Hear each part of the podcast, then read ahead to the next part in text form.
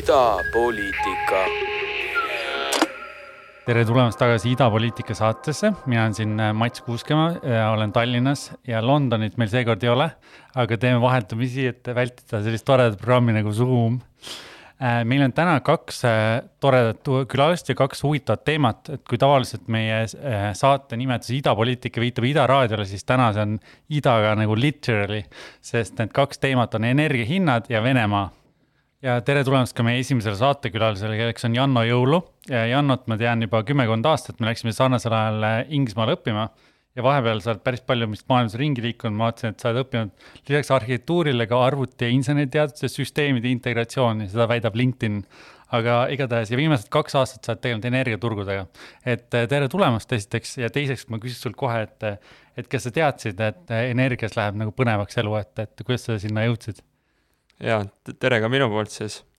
Äh, jah, seda ma arvasin, et see läheb põnevaks, et äh, see, see nii-öelda roheliikumine tundus juba juba paar aastat tagasi ja isegi rohkem niisugune tulevikutrend ja tegelikult, kui minna tagasi veel kümme aastat arhitektuuriõpingute juurde, siis tol hetkel oli see võib-olla minu kõrvale niisugune võõras teema, aga siis juba Inglismaal nii-öelda äh, õpilastele juurutati, et kõike tuleb teha hästi roheliselt ja jätkusuutlikult. et see oli võib-olla kõige esimene kokkupuude, kus ma reaalselt arvutasin, palju, palju päikesepaneel võib toota või, või kuidas vihmavett taaskasutada hoonesüsteemides aga ütleme nii, et Eesti inimesele, kes, kes ei tea sellest teemast midagi, et ütleme, lähme hästi basic asjade juurde, et kust tuleb üldse Eesti elekter praegusel hetkel ja, ja kuidas selle hind ikkagi kujuneb mm? -hmm. Et see, kust ta täpselt tänasel päeval tuleb, äh, et see päev, päeviti ka muutub. et me teame, et veel niisugune kümme aastat tagasi tuli väga suures osas ta meil Narvast äh, põlevkivijaamadest need tuhapõletusjaamad et ma ei ole selle suurenergeetikaga enam ise eh, või mina ei ole selle valdkonna peal, ma olen rohkem, tegelen päikese ja tuulega, aga laias laastus äh, äh, ütleme, et aasta tagasi äh, väga palju meil tuli energiat Baltimaadesse Põhjamaadest, ehk siis Soome ja Rootsi ühenduse kaudu, ja siis puudujääva energia me peame ise tootma. et äh, alati, kui on tuuline, siis meie tuulikud töötavad äh,, kui on päikseline, meie päiksepaneelid töötavad ja nii-öelda see viimane äh, jupp puuduolevat energiat tulebki siis toota kas gaasijaamadega või meil Baltikumis on siin üks hüdroreservuaar isegi, ja mis seal salata, et praegu töötavad, selliste hindade juures töötavad ka meie need vanad plokid kõik. et ma võin ka siis täpsemalt ära rääkida, et teine küsimus oli, et kuidas see energia hind kujuneb, et äh, äh, energial on siis börs. Ja tegelikult seal on veel mitu nii-öelda erinevat vaadet, et see on niisugune tulevikutehingute börs, kus sa võid aasta ette kaubelda siis on päev ette börs. Ja see on nüüd see, mis, mis tõenäoliselt kuulajad kõige rohkem puudutab, sest just selle päev ette börsi alusel kujuneb äh, börsipaketi hind äh, nii-öelda igaks tunniks, siis on tegelikult päevasisene ja on veel ka tunnisisene börs, aga nendega nii-öelda tegelevad siis peamiselt energiaettevõtted. ja see päev ette äh, börsi hinna kujunemise mehhanism, sellest on siis palju praegu räägitud et see tegelikult kujuneb nagu ikka avatud turgudel nõudluse ja pakkumise puutepunktis. Aga seal on selline üks aga võib-olla, millega inimesed ei ole harjunud, et äh, või mis ka mul oli niisugune, vajas nagu läbimõtlemist, et, äh, et see on niisugune marginaalne hinnastamise põhimõte, ehk siis vastava tunni hind kujuneb siis viimase energiaühiku, olgu selleks näiteks megavatt-tund, tootnud äh, äh, jaama nii-öelda pakkumise hind.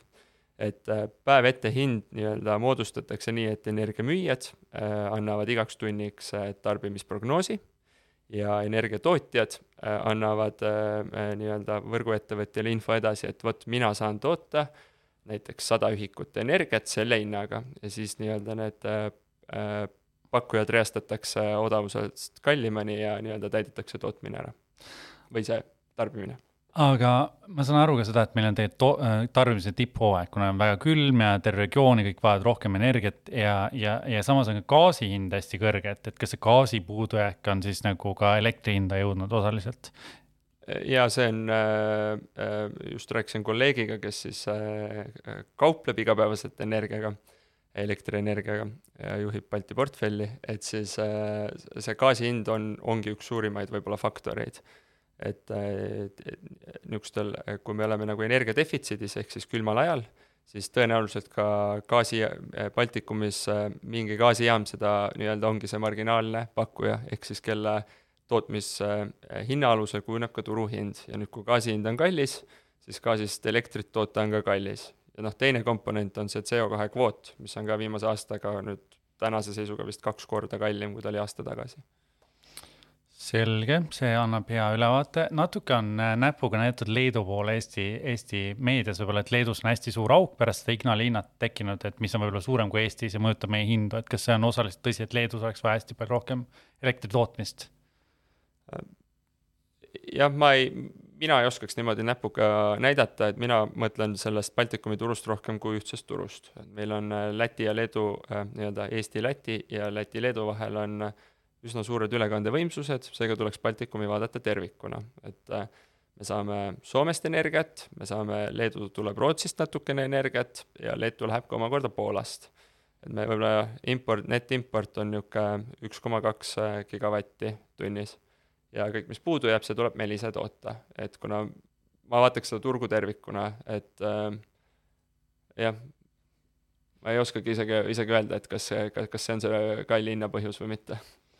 jaa, eh, seda ei, seda on, see on selge, et seal on hästi palju komponente, mis, mis seda mõjutavad ja meil lihtsalt võib-olla natuke õnnetu aeg. -hmm. aga kui, kui sa vaatad nüüd aasta ette neid numbreid, et kas see, kas on sama hull olukord või me ilmselt, meil ikkagi seda tootmist tekib juurde mingi aja jooksul?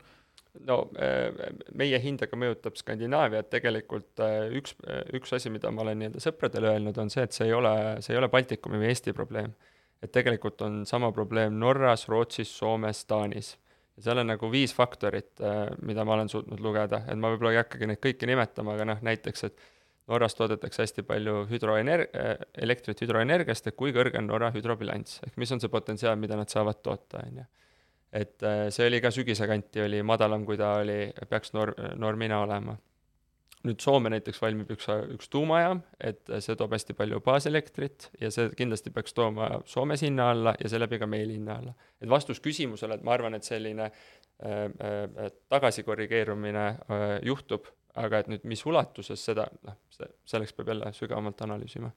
aga mis on veel äh, Eesti meediast läbi käinud ja mida on ka peaminister väitnud, on see, et taastuvenergiat on nüüd äh, odavam luua kui põlevkivi fossiilkütusel äh, loodavat energiat, mis on väga tore uudis, mida vaid kümme aastat tagasi sellest unistati. aga kui see on tõsi, siis ma küsikski seda, et, et kui, kui, kui keeruline on näiteks, kui inimesed tahavad, ma ei tea, oma kortermaja katusele paneele panna, solaarpaneele või tuuleenergiat toota, kui keeruline, kallis see on äh...? Tuuleenergia koha pealt ma ei oska öelda, et need projektid äh, võtavad, ütleme, terve pargi tegemine ikka võtab aega ja tuuleenergia on üldiselt nagu noh, sa teed seda suures mahus ja ta on mitmekümnemilline projekt, et see päris noh, saab väiksemaid tuulikuid ka panna, aga hulga lihtsam on seda ühte paneeli panna. nüüd äh, lihtsalt aasta tagasi, kui oli veel äh, see viiekümne kilovatistele parkidele subsiidium, siis Mega-Isaga panime ühe pargi ja tegelikult ideest panna see kuni lõpuni kulus meil neli kuud ainult. Ja see on noh, kui ma täna, täna siia jalutades mõtlesin selle peale, siis tegelikult äh, me räägime seal äh, viiekümnest kilovatist, see ei ole üks paneel, vaid see on mitukümmend paneeli, ehitus, võrguga ühendamise äh, nii-öelda protsessid ja kõik, et see on, minu arust on see piisavalt kiire aeg, et ma arvan, kui inimene selle ette võtab, siis paneeli oma katusele ta saaks äh, tuleb asjad läbi mõelda ja saab panna. et Eleringil on minu arust need juhendid ka olemas.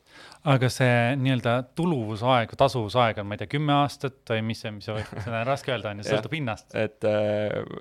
võin öelda, mis ma ise arvutasin, ma ise arvutasin nii, see koos selle subsiidiumiga tol hetkel äh, oleks olnud kaksteist äh, äh,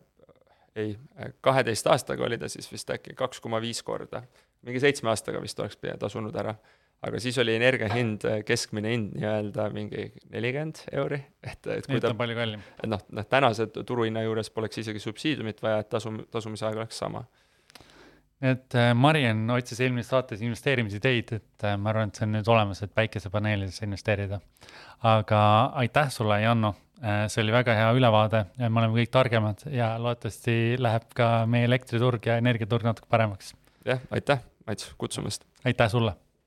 Ja mängime vahepeal siia natuke vene, vene hõnguga tehnot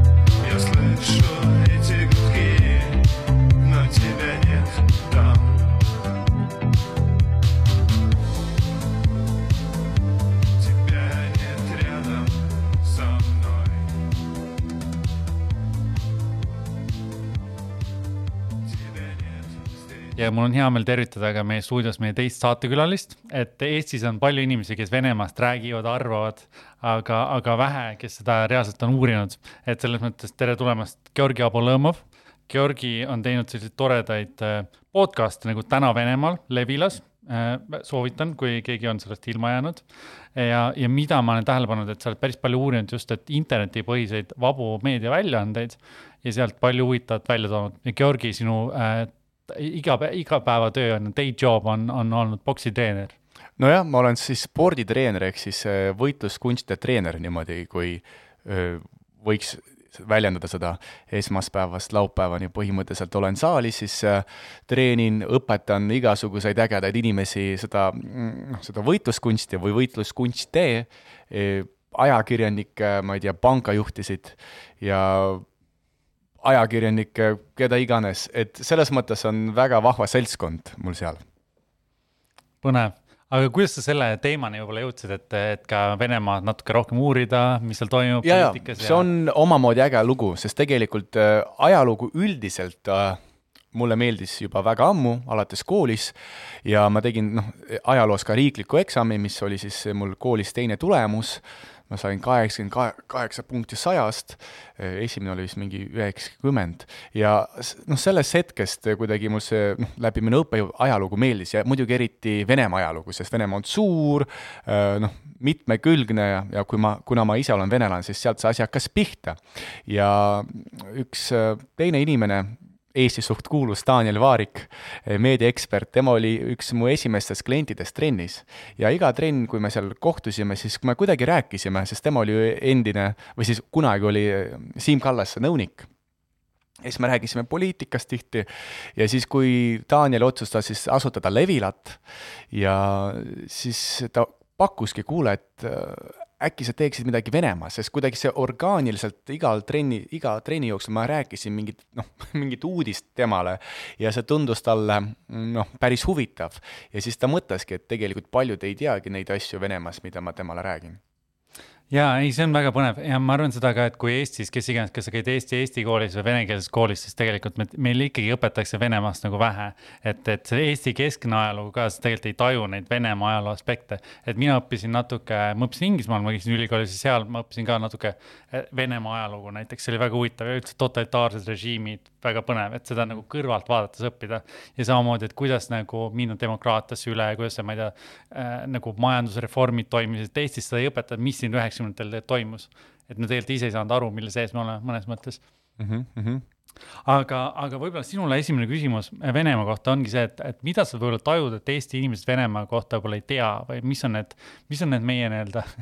puudujäägid, et me, et, et meil Venemaast mingi arusaam, aga me ei tea tegelikult, mis seal praegu nii palju toimub ei no tegelikult äh, nojah, siin on noh, ongi põhjus, miks, sest äh, ikkagi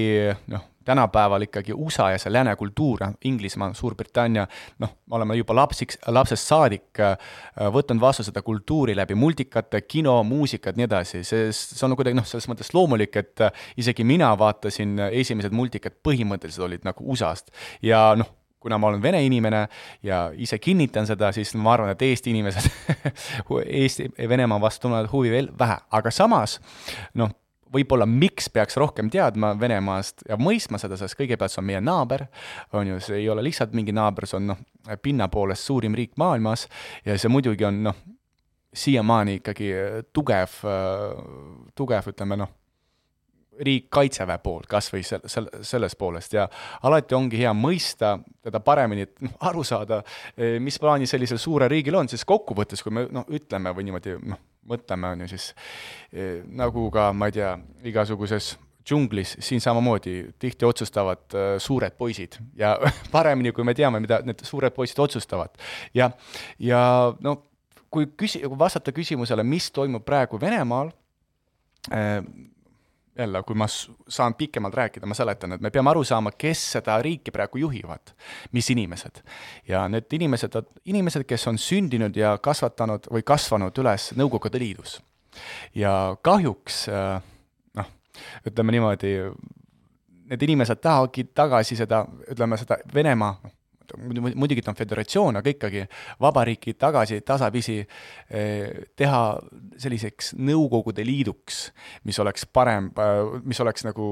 vene inimese jaoks jälle suur, võimas, keda nagu kardetaks, et praegu umbes noh, selline protsess toimub Venemaal jah, ei, sellest on palju räägitud, ma arvan, et Eesti häda on natuke ka see, et Venemaast räägitakse ainult välispoliitilises kontekstis mm, -hmm. muidugi, mis ongi relevantne, et see, mis sa räägid, et mm -hmm. see ongi, see ongi see. aga võib-olla, kuidas see tavavene inimene elab, et seda, seda me ei oska võib-olla isegi aru saada täpselt, et mis on need asjad, mida nad hindavad oma režiimi ääres, juures ja mis on need asjad võib-olla, millest nad, millega nad ei ole rahul niivõrd, et võib-olla küsimus ongi sulle, et, et mil määral sa arvad võib-olla, et, et Putini režiim on praegusel hetkel legitiimne tegelikult mm. -hmm. ei no siin on muidugi me, ma tahaks ütelda, et Putini režiim ei ole legitiimne, sest kui noh, jälle igat pilti või igat sündmust peabki hindama mitte nii, noh, mitte sündmuse päraselt, vaid mis oli enne ja mis on pärast, mis no mis muutused toimuvad, siin samamoodi, et kuna ütleme noh Nõukogude Liidu armastajad, Putini pooldajad, nad on vanemad inimesed, kes surevad iga aasta. Kahjuks, et Putini elektoraat lähebki väiksemaks, siis äh, raskem ja raskem on äh, noorematele vene inimestele suruda peale seda noh, mõtet sellest impeeriumist, kuna internet on igal inimesel, noh, paljudel inimestel olemas noortel ja paljud inimesed võivad kas või läbi Youtube'i vaadata, kuidas välismaal inimesed elavad, mis on demokraatia, kuidas, ma ei tea, valimised käivad ja kuidas noh, edukamad riigi, riigid võitlevad korruptsiooniga ja nii edasi. ja kui nad näevad oma kodumaal niisugust noh, jama, ähm, kus on vastupidi, suur korruptsioon, altkäemaksud ja nii edasi, siis muidugi noh, väga raske on neid noh, kuidas ütelda, panna hääletama Putini ees, sest Putin on lubanud palju asju juba päris kaua, mis ei ole siiamaani nagu juhtunud, nagu noh, kiiresti ma ütlen, et kui Medvedjev tuli kaks tuhat kaheksa, siis hakkas olema president, siis ta ütles, noh, et äh, kui kaks tuhat, kampaania kaks tuhat kakskümmend, see tähendas, et äh, noh, kaks aastat tagasi keskmine palk äh, Vene kodanikul peaks olema kaks ja pool tuhat dollarit, noh muidugi see asi ei ole, ei ole isegi lähedal äh, noh, selles punktis. Ja muidugi noh, kui mida, millegagi ei ole enam, enam noh, enam motiveerida nooremat kodanikke, siis peab ütleme, mõtlema välja mingeid nippe, mis nagu teeksid igasuguseid valimisi nagu, nagu legitiimseks. no,. legitiimseks, jah et ütleme niimoodi, nagu Vladimir Putin ise, nagu talle meeldib ütelda, et, et tooge näiteid, tõestage, et see asi ei ole legitiimne. vot, ja ta ütleski, et kuna te ei saa tõestada, kuna tõestusi ei ole, siis palun ärge rääkige, et see on ainult spekulatsioon. kuigi noh, jälle, kui vaadata, mis, mis sündmused on juhtunud viimaste aastate jooksul, siis muidugi sa saad aru, et asi ei ole vist päris puhas, kaugeltki Äh, mis on hästi huvitav, on see, et paljudes isegi lääneriikides on meil olukord, kus võib-olla vanem generatsioon toetab ühte mingit poliitilist liikumist, mis on võib-olla konservatiivsem, et näiteks Suurbritannia on hea näide, on ju, Brexitit tõenäoliselt ei oleks juhtunud, kui ei oleks noh, nii palju vanemaid inimesi veel ühiskonnas korraga. ja, ja samamoodi see konservatiive toetab väga vähe et, et see ei ole ainult äh, Venemaa probleem, aga Venemaa režiim on muidugi erinev ja see on kindlasti raskesti, raskesti vastuvõetav mõnelegi noorele inimesele, kes tahab äh, vabadust ähm,. aga ma küsiks võib-olla seda ka, et mis on võib-olla kahe tuhandendate lõpus oli Venemaa ikkagi suhteliselt palju, palju paremal järjel, kui ta, ta oli nagu varem olnud ja, ja oldi ja. režiimiga päris hästi rahul. et mis on võib-olla kümne-viieteist aastaga muutunud? ta ei olnud nagu rahul, ta,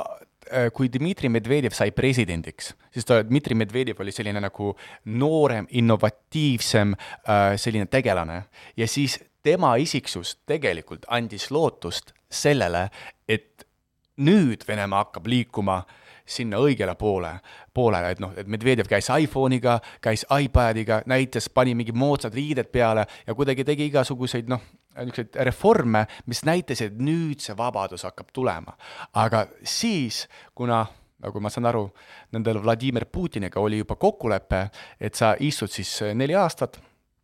siis me jälle vahetume, seal oligi see mõte, et alguses paljud ei saanud aru, miks äh, äh, vahetati siis seaduses seda punkti, et president on nüüd mitte neli aastat, vaid kuus. ja siis umbes Dmitri Medvedjev põhjendas, no et riik on suur, et äh, nelja aastaga midagi sa ei jõua teha selles suures riigis nagu Venemaa. keegi veel, paljud, noh, keegi spekuleeris, äkki Putin tuleb tagasi, kuigi Putin lubas, et ei tule kunagi tagasi, ja siis, kui ta hakkaski tagasi tulema, jälle seda valimiskampaaniat tegema, siis tegelikult inimesed, noh, ütleme niimoodi, said aru, et okei okay,, nüüd see, see, see lootus see asi hakkab, see hakkab lõppema. ja siis seal oligi esimene skandaal nende valimistega, eh, kus siis Medve-, eh, vabandust, Medvedjev, Navalnõi sai eh, kuulsaks, spekuleerides selles, et ta tõestas, et on olemas igasugused noh, sissevisked nendel valimispunktidel ja selles tegelikult kaks tuhat kaksteist aasta oli väga lähedane, et seda režiimi muuta, aga nagu praegu nad räägivad, et midagi jäi nagu puudu seal et see režiim nagu muutuks. Ja kuna Vladimir Putin tundis seda väga hästi, et kui me nii lahjal lähme edasi, siis see režiim võibki kukkuda. Ja see alates see hetk ja kuni tänani, see iga aastaga see režiim läks karmimaks ja karmimaks ja karmimaks. Ma, me kindlasti tuleme opositsiooni juurde tagasi, aga ma veel küsiks ka seda, et, et see on huvitav natuke vaadata ka seda, et, et Medvedev, kes oli vist äkki majandusteadlane, no nad te, tegelikult ei olnud majandus, nad on juristid mõlemad, Vladimir Putiniga olid juristid ja kunagi, kui oli e, Peterburis esimene ja ainukene e, linnapea, sest e, Leningrad, Peterburis on mitte linnapea, vaid kubernaator, siis ju see oli see Anatoli Sobtšak, siis Vladimir Putin oli siis ju mm, Sobtšak ja, jah, täpselt, ja siis seal kunagi Medvedjeviga nad said seal koos ülikoolis äh, tuttavaks kõik selle juristi, juurateema alusel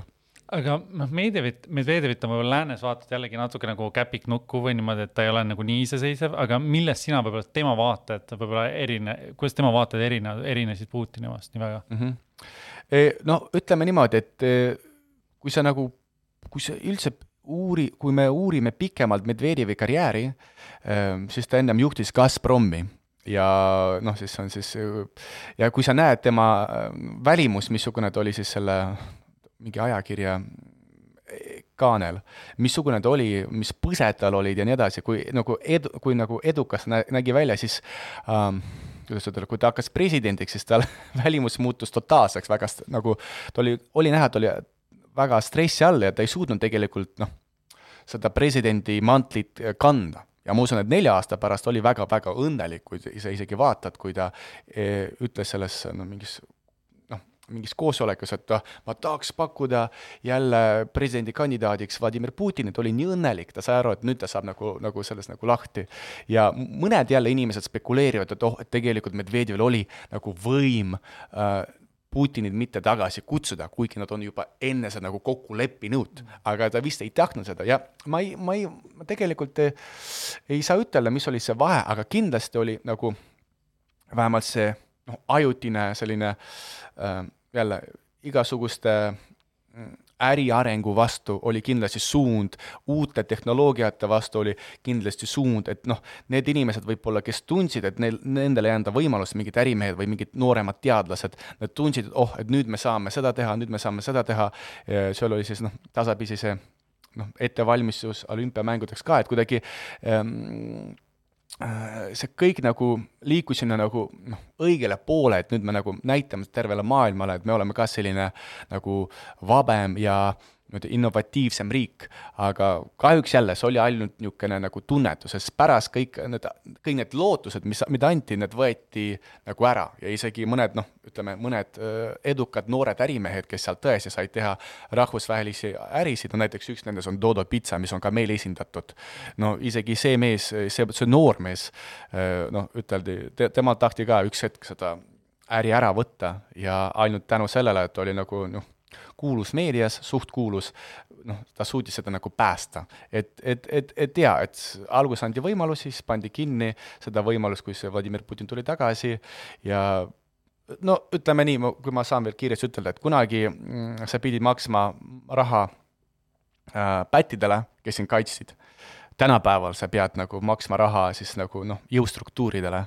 ja kui sa ei mängu, ei mängi seda mängu, no siis nad tulevad ja siis ma ei tea, viskavad näiteks sulle narkootikume, midagi veel, ütlevad, kuule, siis tegelikult sul ei ole siin pitsa tegi-, tegemine, et sul on tegelikult siin mingi narkoäri, mis juhtus just selle Dodo pitsa asutajaga. et ja muidugi kõik nooremad inimesed, nad saavad aru, et noh, miks me siin üldse elame, läheme siis välismaale või ma ei tea, kolime ära lihtsalt või teeme kusagil veel oma, oma tegevust, et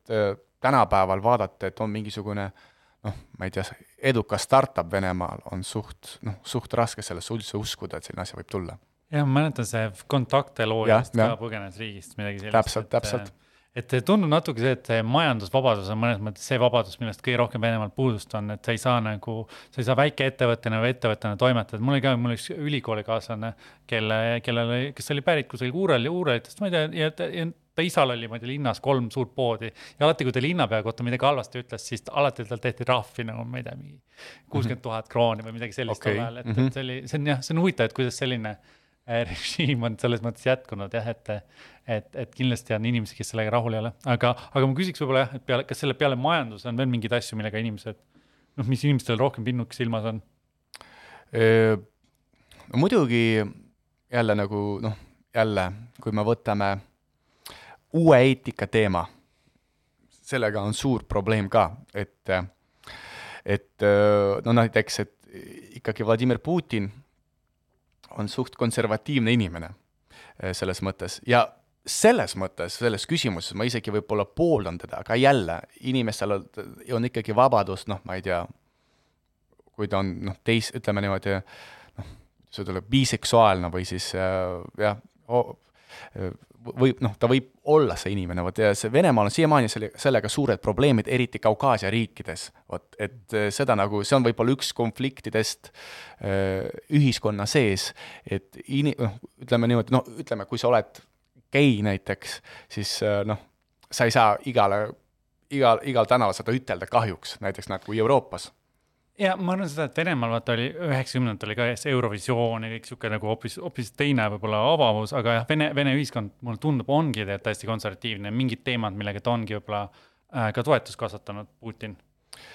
või, või, või ainult vanemate inimeste toetust saad korra veel kord formuleerida küsimust? konservatiivse nii-öelda sellise pere, nii-öelda, nii-öelda pereväärtuste mhm. toetamisega mm -hmm. mõnes mõttes tundub, et ta on võib-olla suutnud ka oma toetust kasvatada kohati mingites ringkondades. seda kindlasti ja se-, selle puhul mõtlengi, et äh, noh, jälle, äh, see on võib-olla see, mis, noh, ausalt üteldes mulle meeldibki Putinis, et äh, aga probleem on selles, et kui noh, on olemas noh, nagu tema ütleb, on olemas nagu enamus inimesi ja on olemas nagu vähema, vähemus inimesi ja ütles, et enamus inimesi ei pea noh, ütleme noh, kuidas ütelda, panema silmad kinni oma väärtustele selles, sellepärast, et vähemus inimesi tahab noh, samasugused õigused. selles võib-olla ma olen nagu nõus, aga samas noh, see, see vähemus, kes seal elab, sõltumatu sellest, kes nad on, mismoodi nad tunnevad, mismoodi nad ennast vastu võtavad, noh, nendel on õigus ikkagi olla need inimesed. võib-olla me ei ole nendega nõus, aga nad võivad olla ikkagi need, noh, ma ei tea, kui mees arvab, et on naine ja või vastupidi, las ta siis arvab, kui ta kedagi ei sega sellega. ja ei, selles mõttes, et seal on selge, et seal on ka natuke rassismi probleem kaukaaslaste suhtes ka, mis on siis äh, sa sarnaselt mängitud. no see on eraldi on. probleem, see on nagu suurem probleem kui lihtsalt nagu rassismi probleem, et äh, sest äh, noh, jälle kuna kunagi oli Tšetšeenia sõda, esimene ja teine, mis on tegelikult väga suur valukoht, siis eh, noh, võib-olla mõnes mõttes Vladimir Putin no, tegi õigesti, et kui ta tahtis ikkagi, et Tšetšeenia oleks osa Venemaa föderatsioonist, sest ta panigi sinna inimest, kes siis noh, kohalikku inimest, kes siis jagas asja ja siis las see kohalik inimene, kelle nimi on siis Ramzan Kadõrov ise nagu, nagu kuidas ütleme, no juhib seda asja nii, nagu tema teab paremini. aga tänu sellele, et Putin ja, ja Ramzan Kadõrov saab omavahel nii hästi läbi, äh, on väga paljud tšetšeenlased, kes lähevad siis noh, ma ei tea, Moskvasse kuhugi veel ja siis käituvad niimoodi, nagu nemad oleksid selle nagu, ma ei tea, linna nagu noh, ja omanikud, nii edasi, sest ja, ja selles on just probleem Pro,. Pro, inimestel ei ole kunagi probleemi nende nagu Kaukaasia inimestega, kes käituvad ilusti, kes teavad oma kultuuri, austavad teiste inimeste kultuuri, super, aga probleem on selles, et paljud ei, ei käitu niimoodi ja enamus võib-olla ei käitu niimoodi, käituvad väga nagu ülbelt ja see on noh, selle, sellepärast see rassism, võib-olla see rassismi küsimus tekibki, mitte lihtsalt, et aa, kuule, sa oled Kaukaasiast mingi äh, karvane mees, sa ei meeldi mulle, mitte sellepärast, vaid sellepärast, et inimesed lihtsalt käituvad väga-väga halvasti. Ma ütleks ja võib-olla jah, lõpetuseks ka seda, selle teema lõpetuseks, et, et mulle tundub lihtsalt seda, et need nagu nõukogude võib-olla väärtushinnangud, mis olid, oli alati see, et nagu vähemusi alati mängiti nagu enamuse vastu, et see enamus on õige, on ju, kes teeb kõik õigesti, on režiimi toetajad, tublid inimesed. ja siis, kui sa vähemusele midagi annad, siis justkui enamuselt võtab midagi ära. et see loogika on kuidagi inimeste peades nagu alles ja seda kohati tajub Eestis ka nagu vanema generatsioon. ma ütlen seda, et tegelikult nii palju, kui mina olen seda küsimust uurinud, siis kõik inimesed, kes ütleme, pooldavad või kiidavad Nõukogude Liitu, kiidavadki seda sellepärast, et nad ütlesid, et siis Nõukogude Liidus ei olnud sellist rassismilist küsimust. et kui sa oled nagu noh, et see ei olnud kunagi esiplaanil, kui inimesed läksid, ma ei tea, Teise maailmasõjas nagu sõtta, siis kõik olid nagu noh, ütleme Nõukogude Liidu nagu, nagu rahvas. ja et nad ütlesid, et siis seda, sa ei tundnud niimoodi, nagu sa tunned seda täna. ja jah, ja ütleme niimoodi, et see on võib-olla vastupidi, läks see natsionaalne küsimus, noh, nende riikide küsimus selle Venemaa Föderatsiooni sees, sees läks palju nagu noh, mm, teravamaks, kui ta oli näiteks ennem Nõukogude Liidus ja see on üks, muidugi üks probleemidest. ja noh, näiteks selle küsimuse peale ma vaatan noh, täiesti teistmoodi. ja kusjuures Aleksei Navalnõi vaatas ka täiesti teistmoodi jah, enne kui me tuleme Vene opositsiooni juurde tagasi, me peaks mängima väikse muusikalise vahepala mm. -hmm.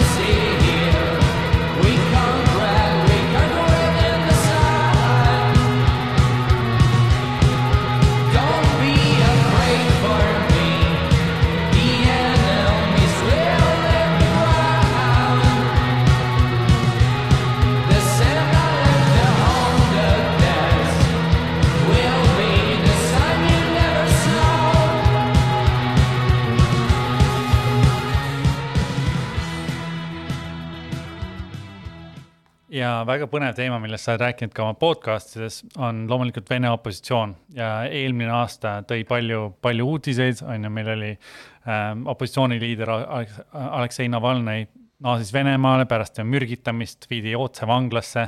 ei lastud oma toetajatega kohtuda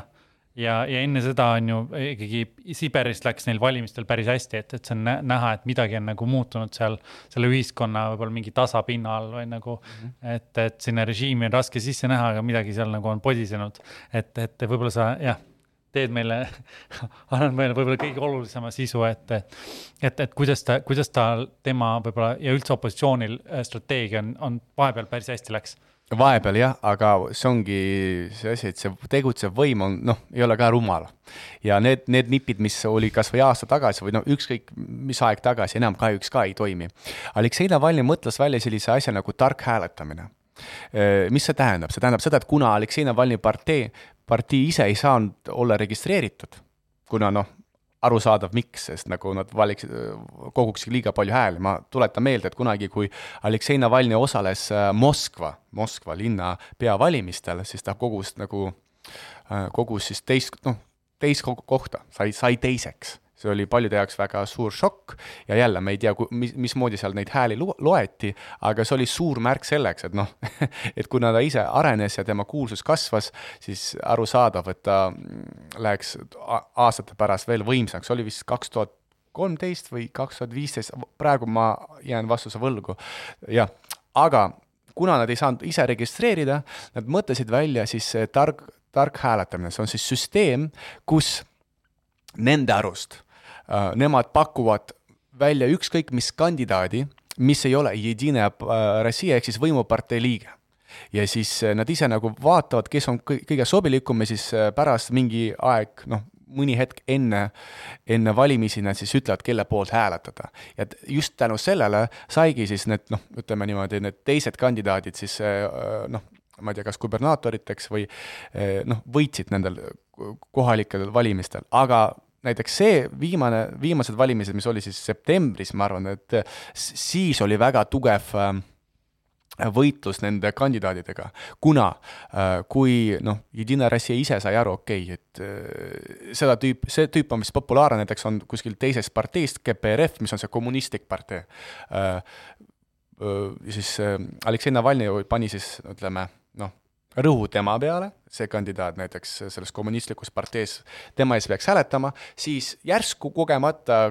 no siis Vene võim ehk siis noh, ma ei tea, mingi prokuratuur mõtleb välja mingisuguse case'i, mingisuguse nagu kriminaalcase'i, et tegelikult teil on mingisugune asi ja kui sul on kriminaalcase kaelas, siis sinu eest ei saa enam valida, sa ei saa osaleda valimistel. ja iga, iga sellise tegelasega kes, keda pakuti välja, oli taga mingisugune case ja jälle, kui noh ei pea olema piisavalt tark, et aru saada, miks oli tehtud just enne valimisi ja just nendega, nende kandidaatidega, kes olid kõige populaarsemad. seepärast eh, see süst-, noh, ütleme, see tark valimine, mis töötas ennem paremini, noh, seekord peaaegu üldse ei töötanud. ja kui me näeme, et kui jälle, kui ma rääkisin natuke Sergei Furgalist, kes oli siis Habarovski kubernaator, siis kubernor, noh, kes siis ei tahtnud samamoodi töötada mm, seal kaardina taga tegutseva võimuga, siis teda pandi lihtsalt vangi. mõeldi välja mingisugune case, inimesed seal käisid, ma ei tea, kui palju päevi iga päev väljas, et laske läbi, laske, laske lahti see inimene, aga siis lõppude lõpuks noh, asi vajus lihtsalt alla. seepärast niimoodi täna opositsiooniga inimesed töötavadki Venemaal ja ma mäletan, ma olin kunagi Ukrainas reisil, see oli mingi äkki kaks tuhat kaksteist või midagi ja siis äh, kusagil, ma ei tea, mingi hotellis oli mingi noor vene tüüp, kes küsis, et oo, et te olete Eestis, teil on lääne, lääne nagu režiim on ju, et kuidas te sinna saite, et nemad oma linnas, äkki Vladimir, mis oli Moskva mm -hmm. lähedal, et äh, nad hääletasid mingi opositsiooni linnapea ja siis see linnapeale juhtus ka mingisugune skandaal, et nagu oli videos, kus ta võttis raha kusagilt vastu või midagi sellist, et kohe, et, et kuidagi seda juhtub palju, aga ma tahaks korra küsida seda et äh, miks, miks Siberis on just nii palju, miks Siberis tekkis nii palju sellist vastuolu või, või vastupanu liikumist? no vot jah, see ongi hea, et äh, ütelda, et võib-olla igale Eesti inimesele, kes kuulab seda, ma alati ütlen kõikidele oma Eesti sõpradele, klientidele, kellele iganes, et me peame aru saama, eriti täna, et Vene võim ei, ei sümboliseeri vene inimesi vot seda me peame kindlasti nagu täna meelde jätma ja igal inimesel, eestlasel, kellel on kogemus olemas, ma ei tea, Venemaal käia, rääkida vene inimestega, võib-olla Narvas isegi, kusagil seal Ida-Virumaal, ta saab aru, et need inimesed on väga head, lahked, avatud ja nii edasi. Ja ma usun lihtsalt, et, et kuna Siber nagu asub piisavalt kaugel sellest äh, noh, Moskvast, sellest kesk, nagu keskpunktist, siis inimesed ongi nagu julgemad ja julgemad ja noh, kuidas ütelda, nad ja teistsugusemad, vot see ongi, et see on, see on kõige põnevam võib-olla, mismoodi sa, ma ise saan sellest aru, on see, et kui sa lähed näiteks kuhugi puhkama ma ei tea, Türki, Egiptusesse, ma ei tea, Taimaale ja siis sa räägid, noh, kohtad mingit inimest ja siis sa küsid, aga kus sa oled? ja siis ta ütlebki mingi Siberis või kusagil veel. ja siis sa tunned, kui, kui mitmekülgne on ikka Venemaa ja selle noh, selle riigi inimesed ja kui ägedad, kui noh, ma ei tea, heas mõttes nagu tavalised on nemad. noh, ma olen Moskvas ka käinud ja kui sa lähed sinna Moskvasse, siis kahjuks noh, see on see linn nagu iga suurlinn, mis kogubki, ma ei tea, inimesi, kes tahavad teenida. Ja siis me, me ei saa ütelda nagu, et Moskvas on kõik nagu kõik venelased, no ütleme, et Moskva venelased ei, ei sümboliseeri nagu päris Venemaa kultuuri, mitte kõik, aga paljud nendest. sest äh, jah, kui me läheme Moskvasse ja kui keegi on käinud ainult Moskvas ja siis, aa, venelased on sellised, siis ma võiksin ütelda jah, et on vaja natuke rohkem reisida, et üldse mõista ja tunda äh, mis on Venemaa ja mis on ja kes on Venemaa inimesed, et ma ütlengi, mina ise promongi ennast ja promongi Venemaa kultuuri kui väga huvitavat, sügavat, ma ei tea, mitmekülgset äh, kultuuri, kui me võtame ajakirjandust, muusikat, ajalugu, igasuguseid eh, tead-, teadlasi, kes on avastanud, ma ei tea, kas või noh, Juri Gagarin, kes lendas esimesena kosmosesse. aga noh, need olid nagu oma, oma asja fännid, oma idee fännid ja noh, ei ole see ei ole kogemata, et nii palju andekaid inimesi on siis noh, sellel Venemaa piiril sündinud ja asi ongi selles, et nagu keegi siin kunagi ütles, hiljuti ma kuulasin, et jätame meelde Venemaad kui noh, kui maad, kes on andnud meile noh, ma ei tea, Dostojevskit, Tolstoid, Tšehhovit, Tšaikovskit kui Stalinit või ma ei tea, Leninit, pigem nii ja ei, see on õige, et Venemaal on tõesti palju rohkem pakkuda ja ajaloost leida, kui neid tanke ja rohelisi mehikesi pakkuda, impeeriumit. aga mis oli huvitav nende Siberi protestide puhul oli ka, mida lääne meedias muidugi palju välja toodi, oli see, et vahest oli seal selliseid, võis leida selliseid toetame Valgevene silte. et kuidas see võib-olla taju üldse on jällegi see, et meil, meil räägitakse, et kõik meedia on hästi kontrollitud ja televisioon ja nii edasi, aga kuidas, ma ei tea, tavalihtne vene inimene kusagil väiksemas linnas tajub Valgevenet või Ukrainat näiteks? kõigepealt ma tahaks veel kord ütelda, mul tuli lihtsalt meelde jah, et miks Siberis oli see nagu eripära, sest tegelikult see Sergei Furgal, kes siis sattus vangi, tema ju, tema ju tegigi tegelikult päris ilma seal. tema hakkas nagu vahetama ja nagu päriselt seda nagu, seda nagu regiooni ja inimesed tundsid ka seda et kui sa lihtsalt võtad ja vaatad, kui te võtate, vaatate, kuidas ta kaitses seal igasugusel koosolekutel tavainimeste nagu huvisid, mismoodi, kuidas ta nagu riidles nende noh, pikaajaliste noh, võimul istuvatele inimestega nagu päriselt noh, ütleme niimoodi, sellepärast ta tegelikult vangi pandigi, et kõik oli seal šokis, et tuleb mingi tüüp ja mitte hakkab lihtsalt istuma koha peal, vaid ta tõesti hakkab kaitsma ja töötama inimeste huvides, et see üldse oli nagu omamoodi nagu noh, täielik nagu šokk ja seepärast inimesed tundsid ka kaasa, et ütlesid, et sest tegelikult jah, seal on, oli niisugune süsteem, et kui see regioon ise, Habarovsk on ju, see regioon ise ei saa piisavalt, noh, ma ei tea, mis on seda, mingisugust äh, käivet oma tuludest, siis äh, see, see nagu see kompensatsioon tuleb siis Moskvast, aga siis nad ei saa enam midagi otsustada. ja siis see, see Sergei Forgal tegi niimoodi, et nad said seda äh, piisavalt, seda noh, selle no,, seda käivet kokku, ikkagi nad, nemad suutsid ise seal otsustada ja see oli ka väga suur võit, muidu tegelikult nad oleks niisugune nagu, nagu sa ütlesidki, nagu mingisugune nagu puppet show, et umbes me saadame teile raha, te peate nüüd seda tegema, seda tegema, kuna ta ei saa ise toime. ja tema tuligi ja saigi toime. see on see selleks, aga teine küsimus oli äh, Ukrainast ja Valgevenest, on ju mm Eh, saad kord, saad veel kord? et, et kuna seal protestiliikumisel aeg-ajalt, kui inimesed protestisid päris pikalt, oli Siberis mm -hmm. toimus just, oligi selle sama, samal mm -hmm. põhjusel, millest sa just rääkisid, kuberneri vangipanek ähm,. et seal olid ka vahest inimestel sildid, et toetame Valgevenet mm. -hmm. ja see oli võib-olla üks asi, mida võib-olla lääne meedias võib-olla rõhutati rohkem, rõhutati üle mm, -hmm. aga mu küsimus ongi see, et kui palju üldse inimesed võib-olla tajuvad, ma ei tea, mitte, ma ei räägi ainult Siberist, aga lihtsalt võib-olla väiksemates Vene kohtades peale Moskva ja mm -hmm. Peterburi, et mis toimub üldse Ukrainas Valgevenes näiteks? ei, selles mõttes ei ole üldse nagu küsimus, minu arust kõik väga hästi teavad, mis toimub Ukrainas ja Valgevenes ja noh, ongi, et praegu hiljuti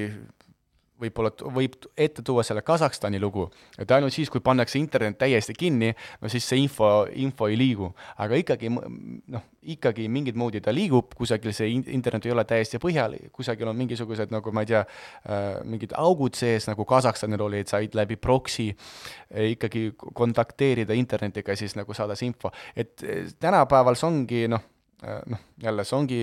diktatuuride, tänapäevaste diktatuuride autoritaarsete diktatuuride suurem probleem, et on olemas internet. ja, ja Putini jaoks on suurem, suurem väljakutse, et mismoodi panna kinni, praegu on ju suurem teema, et panna Venemaa kinni Youtube'i ja kui seda pannakse kinni, siis vot siis võib-olla hakkab äh, olema see informatsioonipuudus Ukrainast äh,, Valgevenest äh,, selle hetkeni noh, kõik info liigub väga kiiresti, noh, kui me võtame jälle Telegrami, mis on siis äh, minu arust parim messenger, mis on jälle tehtud pa, äh,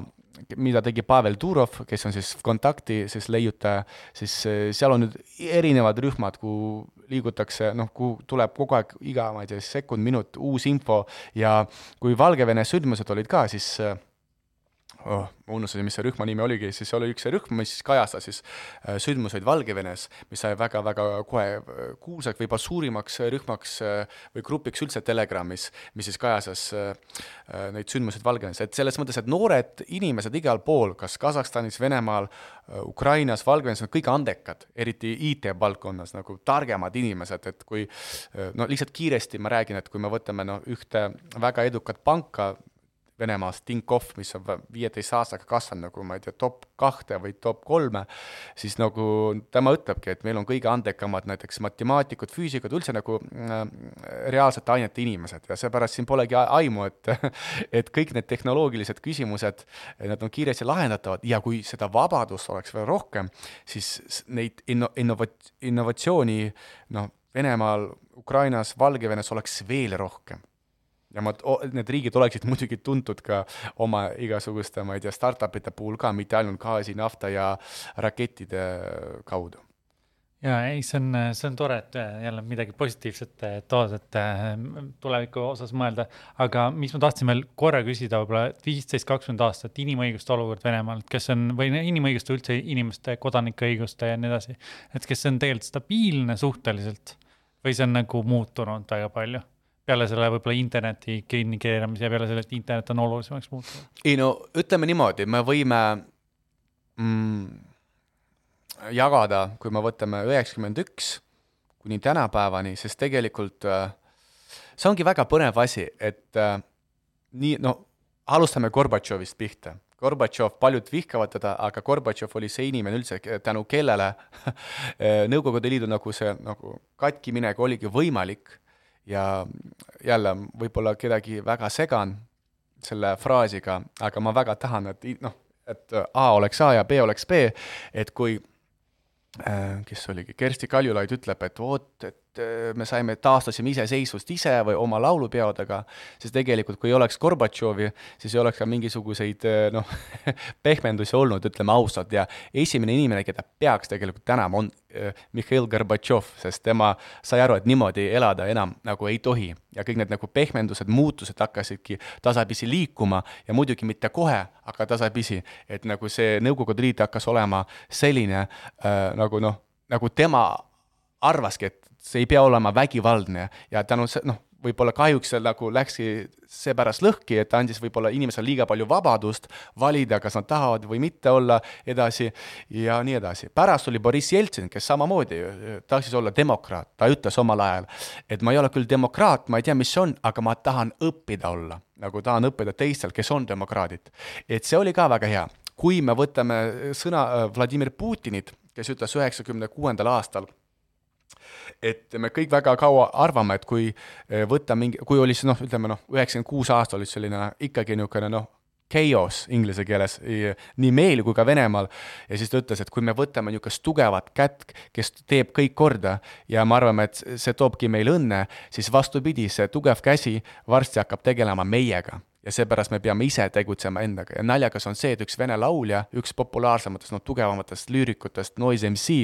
viimasel albumil tõi seda tsitaadi välja, sest kaks tuhat kakskümmend üks seda Putini üheksakümne kuuenda tsitaadi toodi ette ja siis te, üteldi, et noh, et tema oli siis täielik demokraat. üheksakümnendal aast-, üheksakümne kuuendal aastal Putin oli täielik demokraat. Ja see tsitaat oli väga demokraatlik. Ja siis aasta tagasi või pool aastat tagasi seda fraasi tõi, toodi talle mingi foorumis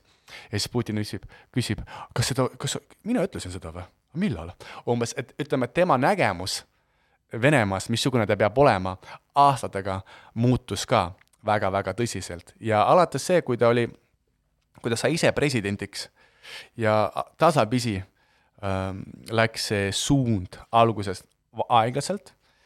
isegi nähtamatult. Alguses see, need muutused olid oma selles, ütleme, alguses Putinil oli see eesmärk, et ta oleks nagu ainuke liider oma seal äh, võimu, võimusisestel mängudel. ja kui ta sattus, sa, sai olla see, siis ta hakkas muutuma ka inimeste vabadusi tasapisi, tasapisi, jah.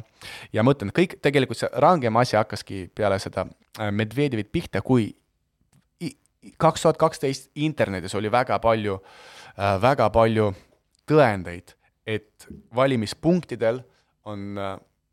sisse visatud väga paljud võlts siis noh hä, häältepaberid. alates see hetk ja kuni täna iga aastaga asi läheb nagu karmimaks ja karmimaks ja kui keegi ütleks, kuulge, et kunagi Venemaal läheb Youtube kinni, kaks tuhat kaksteist näiteks, see on suht võimatu uskuda. täna paljud arvavad, et see võib minna kinni, aga samas see võib olla väga suur šokk, mis võib viia nagu mingisuguse tõsiste sündmusteni ja seepärast noh, Vene võim ise on väga sellega, et noh, ütleme väga noh, tähelepanelik jah, ma arvan seda, et äh, ma alustaks siis Gorbatšovist, hästi palju huvitavaid mõtteid sa tõid välja. et ma arvan, et Eestis väga see nii-öelda revolutsioon, kui me saime vabaks, see tuli väljaspoolt kommunistlikku parteid, väljaspoolt mm -hmm. süsteemi. ja nii-öelda paljud eriti vanemate inimeste jaoks, ma ei tea, keda vanavanemaid küüditati kes iganes, et see Nõukogude režiim, stalinism ja kogu režiim oli nagu sama asi, sa panid samasse potti nagu mõnes mm -hmm. mõttes. ja võib-olla siin ongi see probleem, et ei osata ka Gorbatšovi hinnata. kuigi, kuigi loomulikult tema oli see tüüp, kes tahtis seda koos hoida. täpselt, aga te, te, teises formaadis, selles formaadis formaadis, milles nagu äh,, milles nagu ütleme, alguses Lenin tahtis nagu teoor-, teoorias seda nagu ette tuua, saad aru, et teoorias see kõik on äge, aga praktikas tuli välja, et see äge ei ole, sest no, tegelikult noh, see on eraldi teema, aga ma ütlengi, et äh, võib-olla paar sõna, et kommunism minu arust ja sotsialism võib olla, aga ainult siis, kui selle sees elavad väga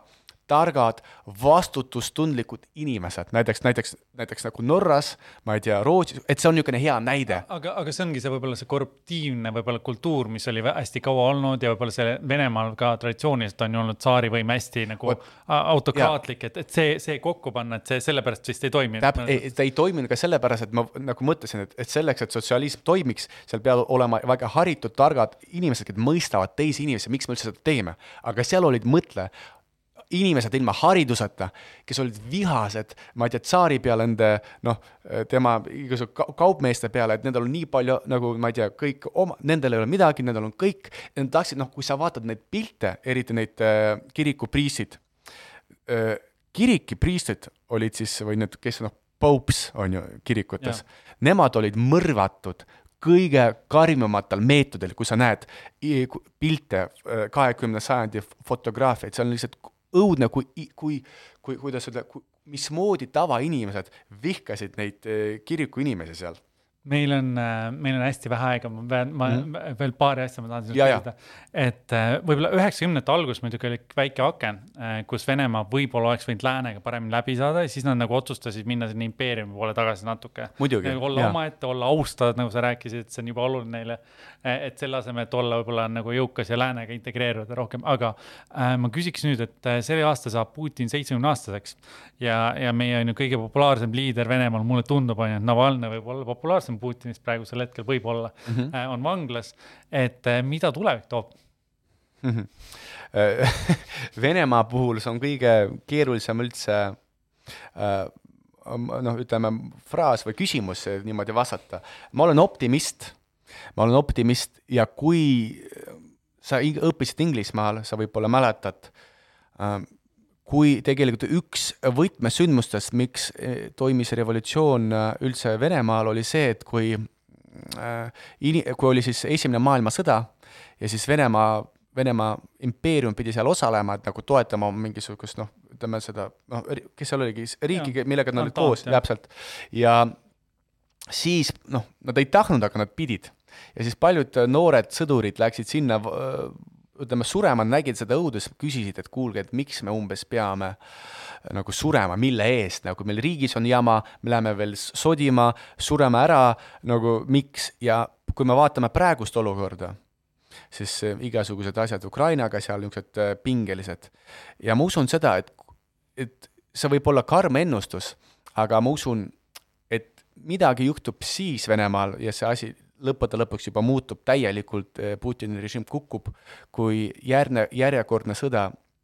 hakkab pihta, sest see ongi see võtmehetk, kui paljud inimesed, kes on praegu kaitseväes, noored, kes on, hakkavadki küsima, aga mille ees me nagu üldse seda teeme. Sest üks asi on see, kui sa oled mingi Nõukogude Liidu kindral ja teine asi on see, kui sa oled noor inimene, kes tahab oma elu edasi elada. ja kui sa näed, et seal ei ole mingit mõistet tappa oma, ma ei tea, naaberriiki, inimesi sealtpoolt, siis ma usun, et siis äh, küsimused hakkavad tulema ja siis mingi asi võib äh, muutuda, sest tegelikult äh, Putin on võimul nii kaua, kuni teda toetavad või äh, jõustruktuurid, nii kerge see ongi. kui seal sees hakkab mingisugune küsimus olema ja kui jõustruktuurid otsustavad toetada näiteks Aleksei Navalnõi näiteks, siis kõik ühe päevaga, no ma ei tea, mitme päevaga asi muutub. nii kaua, kui see on Putini kontrolli all, midagi kahjuks ei muutu. ja ma usun, et ainult mingisugused sellised teravad sündmused võivadki küsimärgi alla panna Putini ideed ja siis me näemegi jube heledat äh, Venemaa tulevikku, kus me ei karda seda, vaid vastupidi, me naudime seda, selle riigi kultuuri, inimesi, äh, ma ei tea, teatreid, äh, muusikat, kino, aja, kirjandust ja nii edasi aitäh, Georgi, väga huvitav on olnud sinuga ja loodame, et seda demokraatlikku ja sõbralikumat Venemaad näha. absoluutselt, lähitulevikus tuleb. aitäh kuulajatele ja kohtume teiega siis kahe nädala pärast uuesti Orktik.